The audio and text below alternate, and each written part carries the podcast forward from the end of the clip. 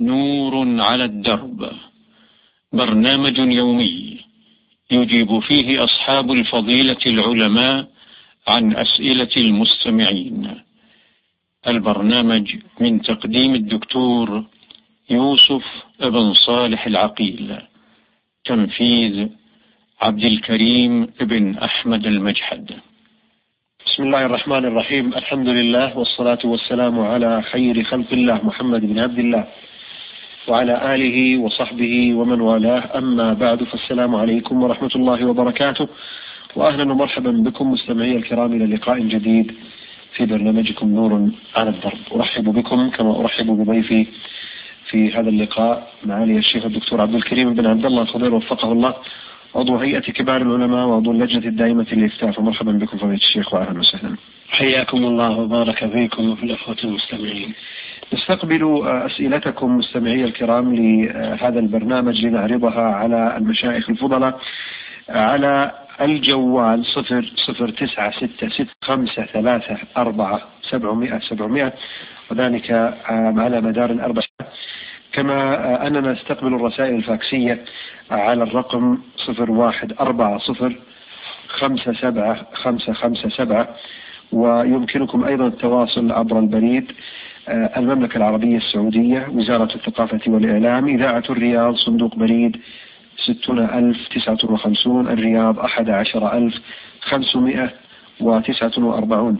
كما يمكنكم إرسال الأسئلة على موقع فضيلة الشيخ وذلك على عنوان البريد الإلكتروني فتوى آت الخضير دوت كوم. أكرر الترحيب بفضيلة الشيخ وأبدأ بأول سؤال في هذا اللقاء من السائل محمد عبد الله. يقول السلام عليكم ورحمة الله وبركاته. هل من قرأ أذكار الصباح والمساء وأذكار النوم وغيرها من الأذكار وصلى الفجر في وقتها هل يحفظ وإن كان من العصاة أو ممن يرتكب بعض المعاصي؟ الحمد لله رب صلى الله وسلم وبارك على عبده ورسوله نبينا محمد وعلى آله وأصحابه أجمعين. أما بعد فمن قرأ الأذكار التي رتب عليها الأجور العظيمة ورتب على بعضها الحفظ من الآفات أو من بعضها لا شك أن هذه الأذكار أذكار الصباح والمساء والنوم وغيرها من الأذكار أسباب. أسباب للحفظ كذلك من صلى الصبح وفي ذمة الله حتى يمسي. هذه أسباب. تكون مؤثرة ما لم يكن ثم مانع. ما لم يكن ثم مانع. ولا شك أن المعاصي والمنكرات قد تمنع من ترتيب المسببات على أسبابها. وقد يوجد مانع من نسيان لهذه الأذكار وإذا ذكرها وقرأها وأراد الله جل وعلا له أن يصاب فلا يمنع ولا راد لقضاء الله جل وعلا فتكون هذه الأسباب مثل الدعاء يترتب عليه ويدخر له مثل ما رتب عليها من حفظ في ميزان حسناته. وإلا فالرسول عليه الصلاة والسلام مع أنه أحرص الناس على الأذكار حصل له ما حصل عليه الصلاة والسلام. ولا يقال أنه ترك الأذكار أو ما أتى بها لكن لمصلحة راجحة قدرها الله جل وعلا عليه مع أنه عليه الصلاة والسلام أحرص الناس على الأذكار فهو المعلم المبلغ عن الله جل وعلا. فلا يظن به أنه ترك ما بلغه لأمته وقد يترك وقد ينسى عليه الصلاة والسلام في الصلاة ليسن. وهو بشر عليه الصلاة والسلام يصيبه ما يصيب البشر. مع ذلك مع حرصه على هذه الأذكار حصل له ما حصل من السحر. فإما أن يكون عليه الصلاة والسلام نسي كما نسي في الصلاة ليسن وكما نام عن صلاة الصبح ليبين حكم الصلاة وفي هذا يكون حاله كمال بالنسبة له. وحال مثل ما قلنا الأذكار والأدعية أسباب تترتب عليها آثارها ما لم يكن ثم مانع. علما بأنه يكون من من الصالحين ويبذل الأسباب ولا تترتب عليها المسببات ولا يوجد ثم مانع وإنما يدخر له يوم القيامة ما هو أعظم مما وعد به في الدنيا. ويقول هل يحفظ وإن كان من العصاة؟ لا شك أن المعاصي من أعظم الموانع من أعظم الموانع كما هو الشأن في الدعاء. ذكر الرجل يطيل السفر. أشعث أغبر. يمد يديه إلى السماء. يا رب يا رب. ومطعمه حرام ومشربه حرام وغذي بالحرام فأنا يستجاب له. هو بذل الأسباب. يطيل السفر والسفر مظنة لإجابة الدعاء. أشعث أغبر. منكسر بين يدي الله والله جل وعلا مع المنكسرة قلوبهم. ويمد يديه ورفع اليدين في الدعاء من أسباب الإجابة والدعاء بيا رب يا رب أيضا مظنة. حتى قرر بعض العلماء أنه إذا قال يا رب يا رب خمس مرات أجيب.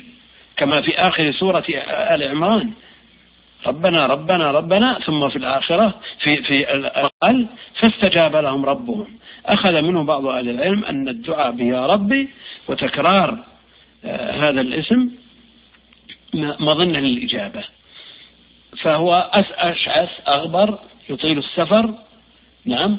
يمد يديه إلى السماء يقول يا ربي كل هذه من الأسباب أسباب الإجابة لكن وجد مانع مطعمه حرام ومشربه حرام وغذي بالحرام فأنا يستجاب. استبعاد. لماذا؟ وإذا سألك عبادي عني فإني قريب أجيب. كيف يستبعد من القريب؟ نعم وجد مانع إذا وجد مانع استبعدت الإجابة لأن هذه لأن هذه المخالفات موانع. وقال النبي عليه الصلاة والسلام لسعد أطب مطعمك تكن مستجاب الدعوة. فالإنسان إذا أراد أن تترتب المسببات على هذه الأسباب أن يجتنب المعاصي التي هي أسباب الحرمان من كل خير. حتى حرمان العلم من حرمان العمل من حرمان أمور كثيرة يسعد بها الإنسان في حياته. أحسن الله إليكم. يقول السائل عبد الله عسير آه، من أبها يقول السلام عليكم ورحمة الله وبركاته. لدي مجموعة من الأسئلة. هذا العصر عصر الفتن والخلاف فما هي السبل والطرق للثبات على دين الله يا شيخ؟ السبيل الوحيد للثبات على الدين والسلامة من الفتن لزوم الكتاب والسنة والاعتصام بهما لزوم الكتاب والسنة والاعتصام بهما تركت فيكم ما إن تمسكتم به لن تضلوا بعدي. كتاب الله وسنتي. فالاعتصام بالكتاب والسنة كفيل بالسلامة من الفتن والثبات على الدين. أيضا من أسباب الثبات على الدين لزوم الصالحين الذين يعينونه على الثبات. واصبر نفسك مع الذين يدعون ربهم بالغداة والعشي.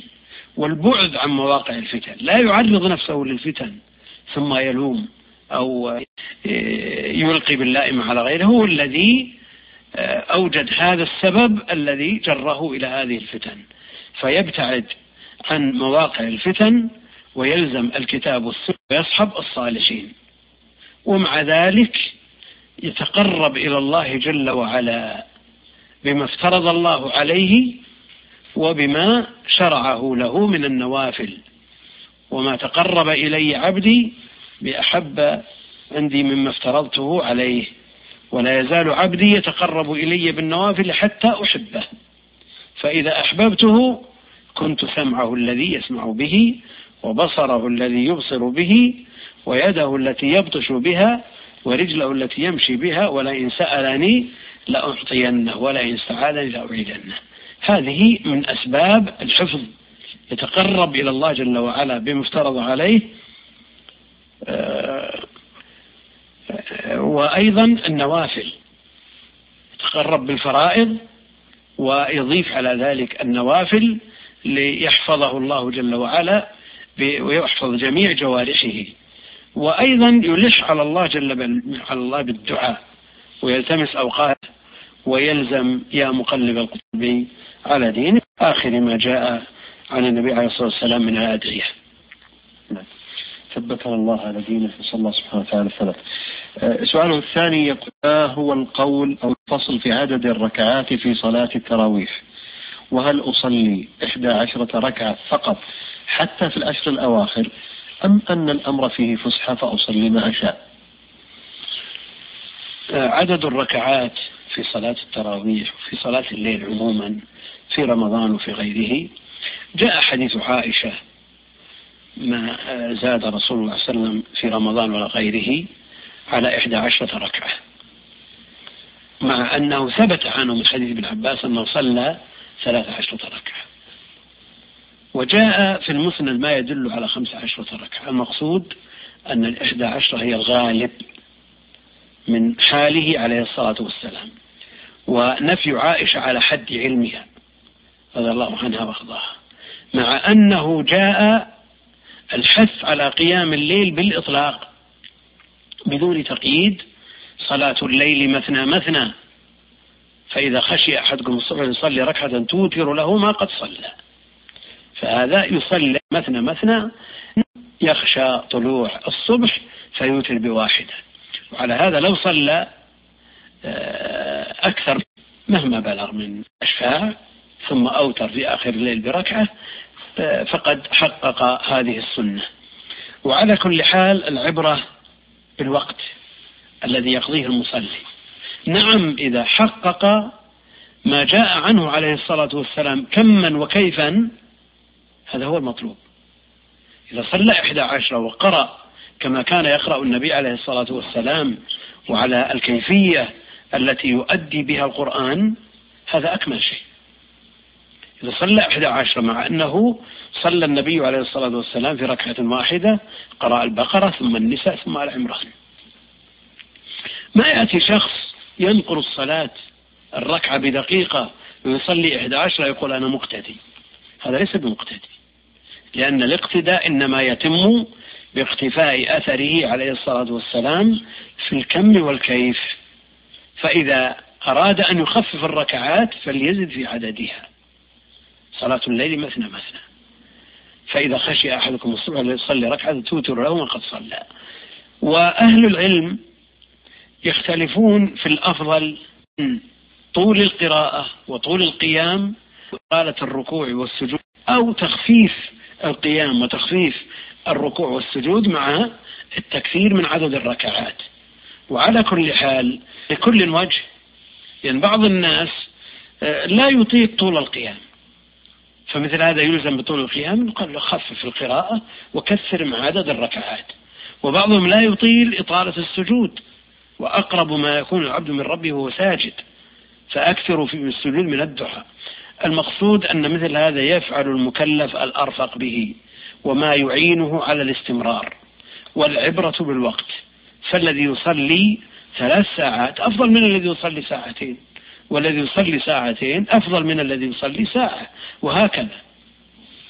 إن ربك يعلم أنك تقوم أدنى من ثلثي الليل ونصفه وثلثه. فالعبرة بالوقت فإذا استغل هذا الوقت بالصلاة بالتلاوة بالذكر بالدعاء صدق عليه أنه قام من الليل يدفعه إن شاء الله تعالى ويكون عونا له على أمور دينه ودنياه. وقيام الليل دأب الصالحين من قبلنا.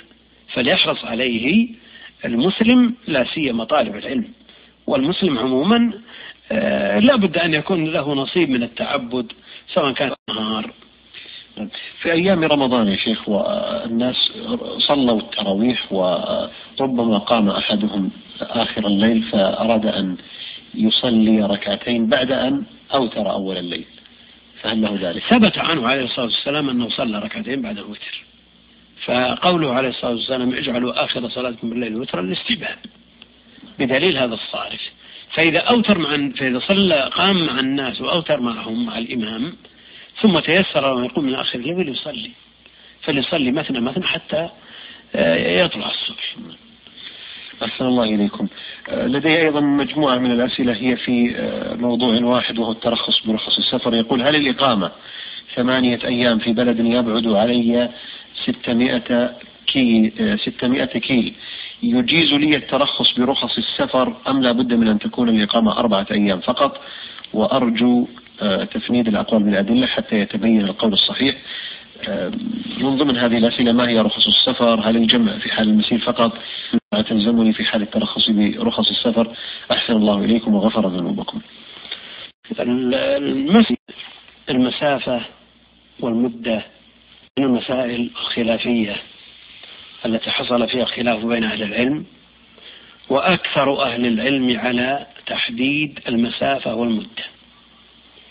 تحديد المسافة والمدة فالمسافة تقدر بمسيرة يومين قاصدين وتحسب بالأكيال بما يقرب من ثمانين كيلا. وأما بالمدة فالأكثر على أنها أربعة أيام. ومن أهل العلم يرى الإطلاق. فما دام الوصف المؤثر وهو السفر قائما فللمسلم أن يترخص ما دام متصفا بهذا الوصف المؤثر الذي هو السفر. وهذا ينصر شيخ الإسلام ابن تيمية لكن الجمهور على التحديد. وابن عباس يقول ما بين مكة والطائف وما بين مكة وجدة ومكة وعسان وكلها متقاربة يعني ثمانين كيلا تقريبا مسيرة يومين. المعنى الترجيح في مسألة آه، لا شك أنه يحتاج إلى دليل قوي يقيد النصوص المطلقة. شيخ الإسلام يرى عدم التحديد ويقول بقوله جمع من أهل العلم. لكن ترتب على قول شيخ الإسلام لا سيما وأن عموم المسلمين لا يستطيع أن يقدر هذه الأمور قدرها. والقول بالإطلاق والفتوى بالإطلاق ترتب عليه أيضا خلل في هذه العبادات من قبل ممارسات بعض المسافرين.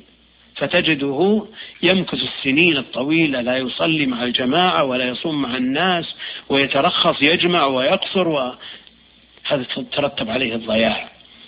مما جعل بعض المهتمين بالدليل يقولون بقول الجمهور وإن كان الدليل آه، لا شك أنه قد لا ينهض على التقييد إلا من بعد فمثلا قوله عليه الصلاة والسلام للمهاجرين بعد حجهم ونهيه إياهم المكث أكثر من ثلاثة أيام. رخص لهم في المكث ثلاثة أيام. لماذا؟ لأن المهاجر ممنوع من الإقامة في البلد الذي هاجر منه. فتحديده الإقامة وإذنه لهم بالإقامة ثلاثة أيام يدل على أن ثلاثة إقامة. فالأربعة إقامة.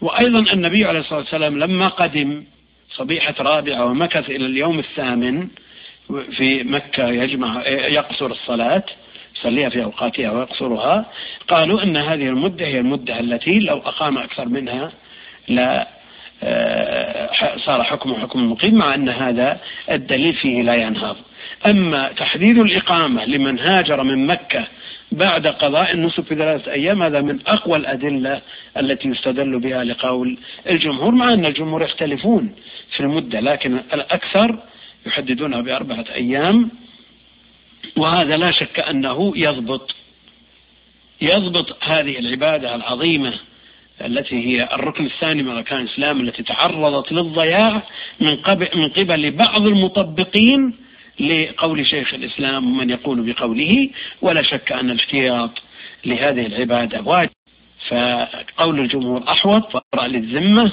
وأحفظ للصلاة رخص سفر الجمع بين الصلاتين الظهر والعصر والمغرب والعشاء والقصر الرباعية إلى ركعتين والفطر في أو في عدة من أيام أخر والمسح ثلاثة أيام بلياليه بينما المقيم يمسح يوم وليلة ولا يجوز له الفطر إلا بعذر ولا يجوز الجمع والقصر إلا بعذر أيضا جاء به نص. نعم. هل الجمع يقول في حال السير فقط؟ آه، جمع من أهل العلم يرون أنه لا الجالس في مكان واحد لا يجمع وأن النبي عليه الصلاة والسلام غالب جمعه في حال إذا اشتد به السير. لكن جاء عنه عليه الصلاة والسلام أنه في تبوك جمع وهو مقيم يخرج من آه، خبائه إلى آه، إلى الصحابة ويصلي بهم جمعا. جاء عنه ذلك فلا مانع من الجمع ما دام الوصف قائما. يقول هل صلاة الجماعة تلزمني في حالة ترخص برخص السفر؟ أحسن الله إليكم وغفر ذنبكم. صلاة الجماعة تلزم من يسمع النداء. كما في حديث ابن أم مكتوم أتسمع النداء؟ قال نعم لا أجد لك رخصة.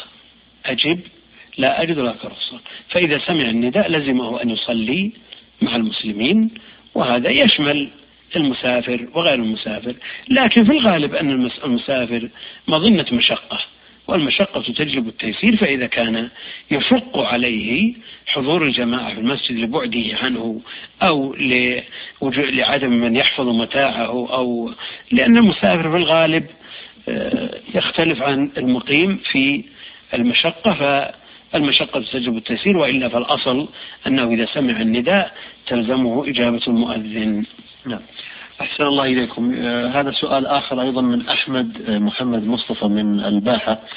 يقول آه هل صح حديث صلاة التسابيح؟ جزاكم الله خيرا. لم يصح بل الحديث الوارد في صلاة التسابيح ضعيف. آه هذا أيضا سؤال أحسن الله إليكم. يقول السائل فيه يقول السائل السلام عليكم ورحمة الله وبركاته. أسألك يا شيخ عن الحديث الوارد عن الرسول صلى الله عليه وسلم لا آكل متكئا. هل يقصد به التربع؟ الحديث لا آكل متكئا مخرج في البخاري والمسند سنة أبي داود بن ماجه من حديث أبي جحيفة. النبي عليه الصلاة والسلام يقول لا آكل متكئا. واختلف في معناه فقال بعضهم ما جاء ما ورد في السؤال يقصد به التربع. و يحتمل أن يكون معناه لا آكل مائلا إلى أحد الشقين معتمدا عليه وحده. يتكئ على أحد الشقين. الاحتمال الأول التربع هو الوارد في السؤال وهذا ذكره جمع من أهل العلم. ويحتمل أن يكون الأكل مع الميل إلى أحد الشقين معتمدا عليه وحده.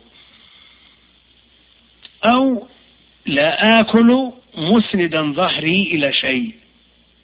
لأن الاتكاء كما يكون إلى جهة اليمين أو جهة الشمال يكون أيضا الاعتماد على شيء خلفه.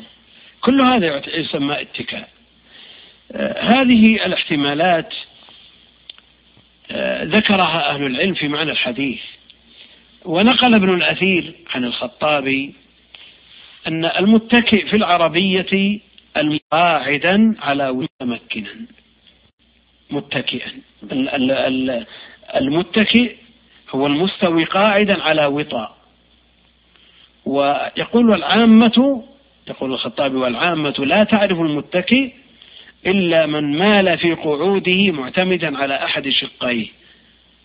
نسبه للعامة. فهل يمكن أن يرجح هو منسوب للعامة؟ الاعتماد على أحد الشقين؟ لا يرد. ما يمكن.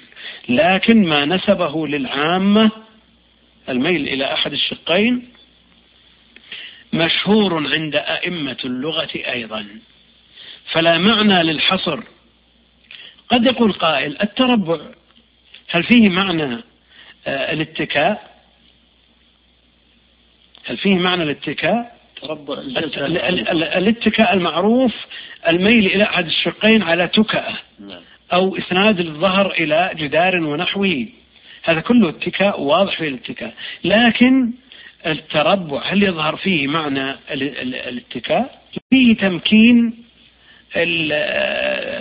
البدن من الأرض وأيضا الإفساح للبطن ليمتلئ. فإذا تربع أكل أكثر مما لو رفع إحدى رجليه وجعلها ملصقة لا سيما اليمنى ملصقة على إلى بطنه فيقل أكله. ولعله من هذه الحيثية آه، قال النبي عليه الصلاة والسلام لا أكل متكئا آه، إذا صح تفسيره بالتربع. وعلى كل حال قد يقول قائل ما حكم الأكل وهو متكئ. ولم يرد فيه نهي. لم يرد فيه نهي. وإنما نفى النبي عليه الصلاة والسلام أن يأكل فمثل هذا يقال فيه خلاف الأولى. خلاف الأولى. فلم يرد فيه نهي يصل إلى حد الكراهة أو المنع. كقوله آه كقولهم لم يأكل على خوان. ما أكل النبي عليه الصلاة والسلام على خوان وعلى ولا سكرجة مع أن الصحابة أكلوا على الخوان. الأكل على الخوان خلاف الأولى لا يصل إلى حد الكراهة. نعم. ونفع بعلمكم فضيلة الشيخ ونسأل الله تبارك وتعالى أن يجزيكم عنا خيرا. أيها الإخوة المستمعون الكرام بهذا نصل يعني هذه الحلقة من برنامجكم النوم على الدرب. تقدم في ختامها جزيل لمعالي الشيخ الدكتور عبد الكريم بن عبد الله. الخضير وفقه الله عضو هيئة كبار العلماء وعضو اللجنة الدائمة للإفتاء على ما تفضل به. آه، أذكركم بعنواننا مستمعي الكرام للتواصل آه، معنا وطرح الأسئلة. آه، يمكن استقبال أسئلتكم على الجوال وذلك عبر رسائل الجوال ذي الرقم صفر خمسة ثلاثة أربعة سبعمائة سبعمائة وأيضا على فاكس البرنامج صفر واحد أربعون سبعة وخمسون خمسة وخمسون سبعة. ويمكن أيضا التواصل عبر البريد العادي المملكة العربية السعودية وزارة الثقافة والإعلام. إذاعة الرياض صندوق بريد ستون ألف تسعة وخمسون الرياض أحد عشر ألف خمسمائة تسعة وأربعون. كما يمكنكم التواصل آه، لطرح الأسئلة على آه، معالي الشيخ الدكتور عبد الكريم وفقه الله وذلك عبر موقعه على البريد الإلكتروني فتوى آت الخضير. دوت كم. نسأل الله تبارك وتعالى أن يعلمنا جميعا العلم النافع وأن ينفعنا بما علمنا إنه جواد كريم. وصلى الله على محمد وعلى آله وصحبه أجمعين. نور على الدرب. برنامج يومي يجيب فيه أصحاب الفضيلة العليا عن أسئلة مين. البرنامج من تقديم الدكتور يوسف أبن صالح العقيل. تنفيذ عبد الكريم بن أحمد المجحد.